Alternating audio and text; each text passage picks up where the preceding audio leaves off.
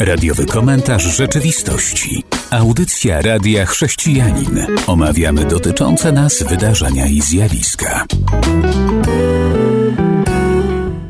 Witam serdecznie słuchaczy cotygodniowej audycji. Witam również, jak i tydzień temu, jest dzisiaj z nami Tomasz Kalisz. Witam serdecznie wszystkich i Ciebie, drogi redaktorze.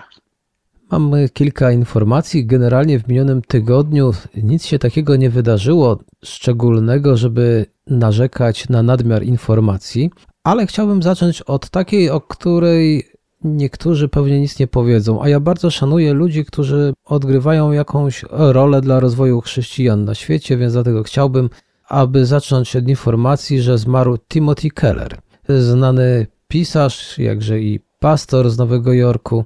Zmarł mając 72 lata, a wspominam o tym, bo w Polsce znane są jego książki i zapewne tobie też.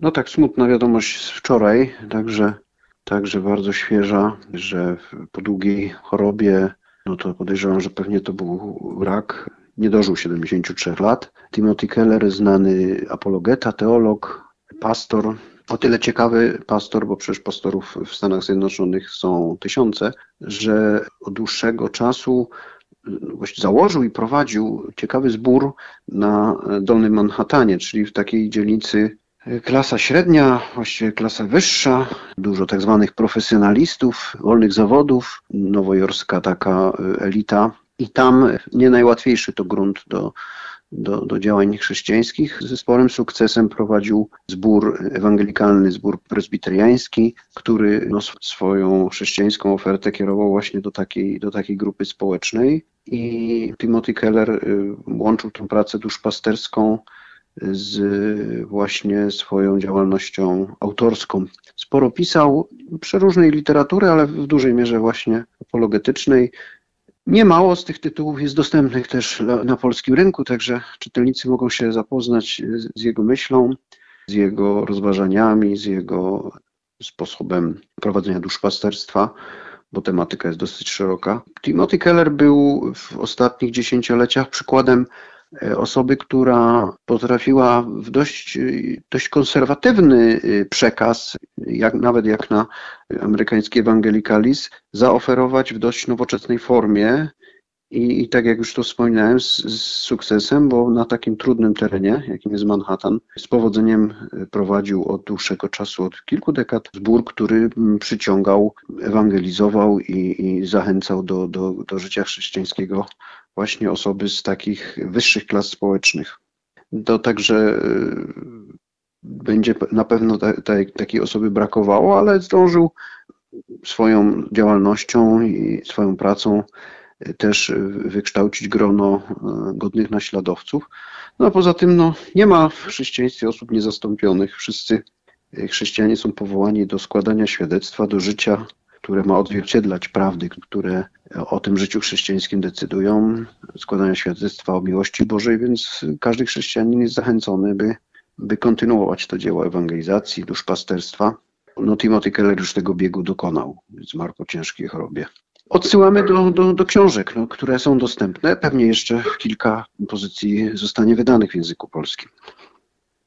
Wspominając o książkach, w języku polskim jest ich kilka. Ta, o której chciałem powiedzieć, ona już zniknęła ze sprzedaży. Niewielka pozycja, ale bardzo cenna. Najmniejsza w języku polskim tego autora, ale za to możemy znaleźć książki o tytule Wiara w działaniu, Fałszywi bogowie. Tą naprawdę polecam. Pokazuje w niej autor w dosyć przystępny sposób, że wielobóstwo to nie tak jak tam się często kojarzy, że wielu chrześcijan jest to uwikłanych, a wcale o tym nawet nie mają wiedzy ani tego świadomości. I też inne pozycje. Pierwsza, która pojawiła się w języku polskim, to był Bóg, czy są powody, by wierzyć, czyli wiara w epoce sceptycyzmu, a potem inne, na przykład istota małżeństwa, modlitwa, krocząc z Bogiem. Także to wszystko jest w sprzedaży. A teraz przechodzimy do naszej kolejnej informacji.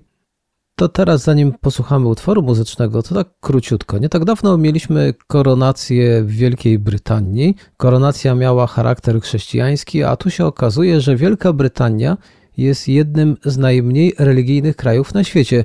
takie badanie zostało przeprowadzone i z niego właśnie coś takiego wynikło.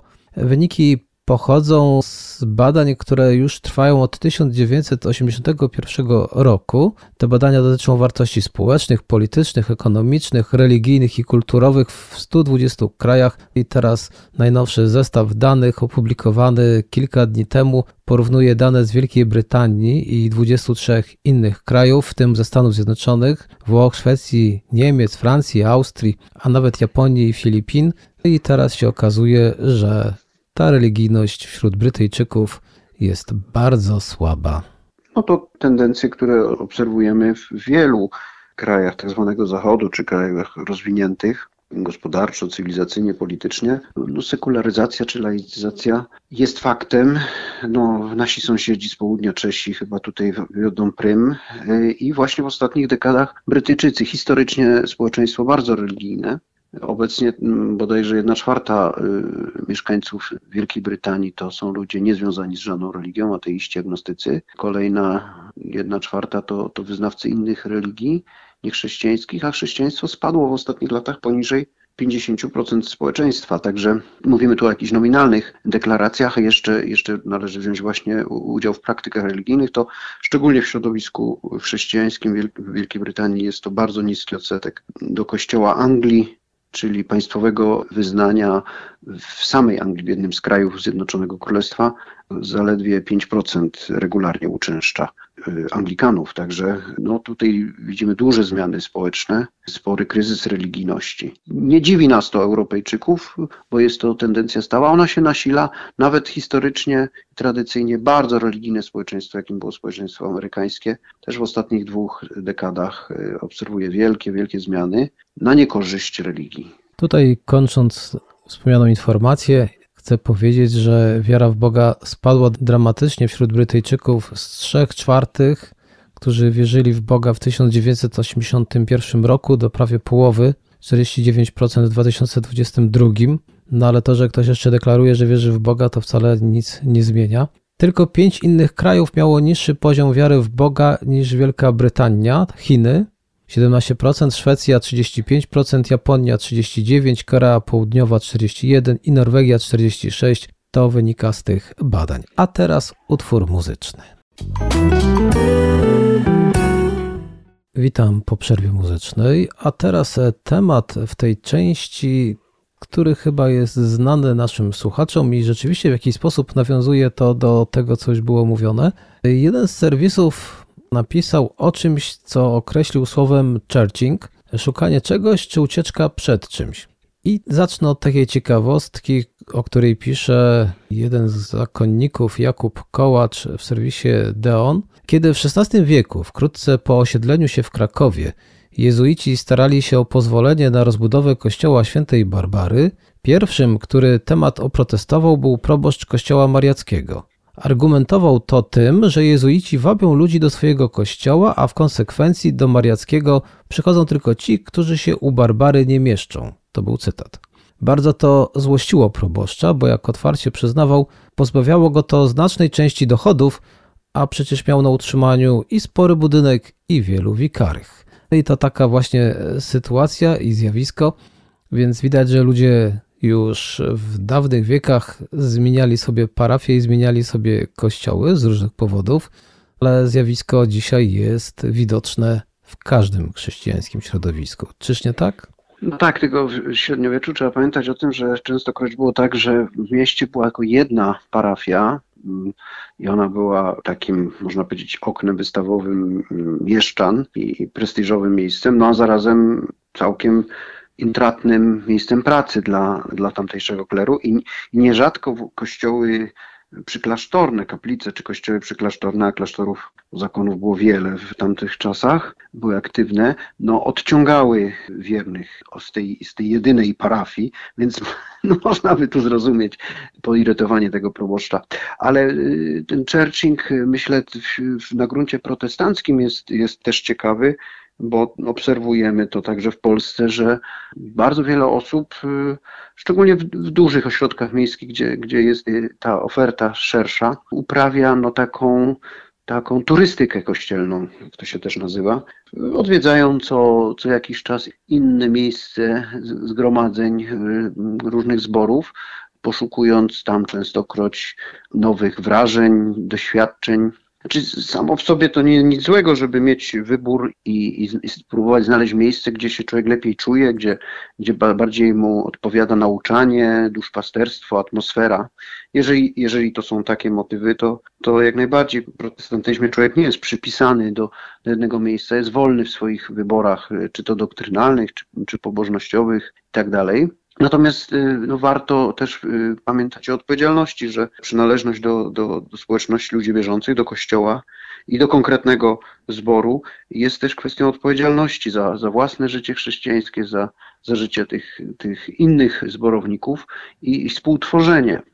Więc jeżeli ten, ten churching polega na, na wiecznym podróżowaniu, szukaniu lepszego miejsca, na większym korzystaniu, na, na pozyskiwaniu dla siebie czegoś, no to te motywacje chyba nie są najlepsze i, i powodują tworzenie się takiego grona ludzi nieodpowiedzialnych za, za lokalną społeczność, a ale tylko konsumujących, co na większą skalę może, może doprowadzać do poważnych kryzysów w samym funkcjonowaniu zborów czy środowisk wspólnot wyznaniowych. Więc każdy sobie powinien odpowiedzieć, dlaczego jestem w danym miejscu i jakie z tego tytułu wiążą się konsekwencje. Czy, czy ja też coś daję, czy współtworzę, czy tylko korzystam. Także pytanie o motywację naszej, naszej przede wszystkim przynależności do, do danego środowiska chrześcijańskiego, a i także też uczestnictwa w jego życiu. Czy, czy tylko korzystamy z, z ciekawych form obrzędowych, czy, czy tworzymy wspólnotę ludzi, y, którzy razem składają świadectwo, wzajemnie się o siebie troszczą i, i głoszą Ewangelię otoczeniu swojemu.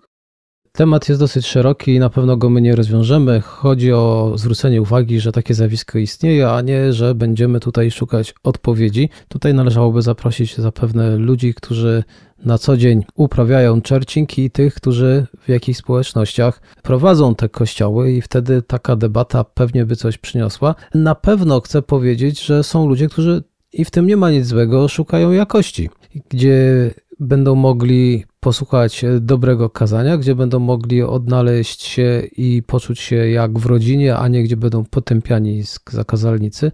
Na pewno takie zjawiska też mają miejsce, a faktycznie jest też druga strona, o której wspomniałeś, więc ja jednym zdaniem chciałbym to podsumować. Jeżeli będziemy tak ciągle wędrować, to też e, prawdą jest, że nie nawiążemy głębokich relacji, a w relacjach siła. Kościół jest powołany, aby razem coś robić, a wtedy właśnie potrzebujemy ludzi godnych zaufania, a nie tych, którym powierzymy jakąś służbę, a jego już za dwa tygodnie nie będzie. No i też, też myśl, myślę, że warto pamiętać o starym przysłowiu, że kury idą tam, gdzie się sypie ziarno, a nie plewy. To jakby y, powinno podnosić poziom duszpasterstwa, kaznodziejstwa, by osoby, by chrześcijanie mogli w danym, w danym miejscu konkretnym być duchowo zaopatrzeni, a z kolei tym, którzy tak lubią uprawiać tą, tą turystykę kościelną, też należy przypomnieć o koziołku Matołku, który których chodził, chodził po całym świecie, żeby dojść do Pacanowa, zapomniał, że Pacanów jest bardzo blisko. Także to ma jakby każdy, każdy medal ma dwie, dwie strony. Dobrze. I taka to trudna tematyka jest za nami. Na pewno wśród naszych słuchaczy są ludzie, którzy zastanawiają się, gdzie się przyłączyć i gdzie być częścią Kościoła. To pragnę tutaj jak najbardziej życzyć owocnych refleksji i właściwych decyzji, a teraz to już muzyka. Powracamy do audycji i przed nami informacja, która kiedyś dawno temu padła w tejże to już audycji, ale teraz powraca z większą siłą, dlatego że coraz częściej mówi się o sytuacji, że pewne zwroty, pewne wyrazy nie są już poprawne politycznie, no i należałoby zmienić słownictwo, zmienić narrację. No i tak to właśnie się dzieje. Coraz częściej mówi się o słowach, które są już brzydkie, których nie należy używać, no ale jeżeli one występują w literaturze, no przecież otwieram książkę, już tą przysłowiową czytankę Murzynek Bambo w Afryce mieszka, ale są też inne książki, które zaliczane są wręcz do klasyki światowej. I okazuje się, że wydawcy robią teraz poprawki i robią coś, co można by określić wybielanie. Usuwają wyrazy, zmieniają na inne, tak aby wszystko pasowało do XXI wieku. I co o tym sądzisz? Już o tym wspominaliśmy przy innych okazjach, że taka tendencja, by na, na siłę, szczególnie jeżeli to dotyczy klasyki, na siłę dostosowywać do naszych standardów, do naszego sposobu wyrażania się o pewnych kwestiach, jest dosyć niebezpieczna, ponieważ możemy zmieniać przekaz oryginalny autora. Tu trzeba być bardzo ostrożnym, bo trzeba zachować wierność pewnego przekazu, łącząc to z, też z, oczywiście z pewną wrażliwością, bo dam taki przykład. Kiedyś używano języka typu kaleka, ślepiec. No, wrażliwość osób niepełnosprawnych, sam do takich należę, jako osoba niewidoma, też musi być brana pod uwagę i wolelibyśmy, żeby mówić właśnie osoba niewidoma, osoba niepełnosprawna.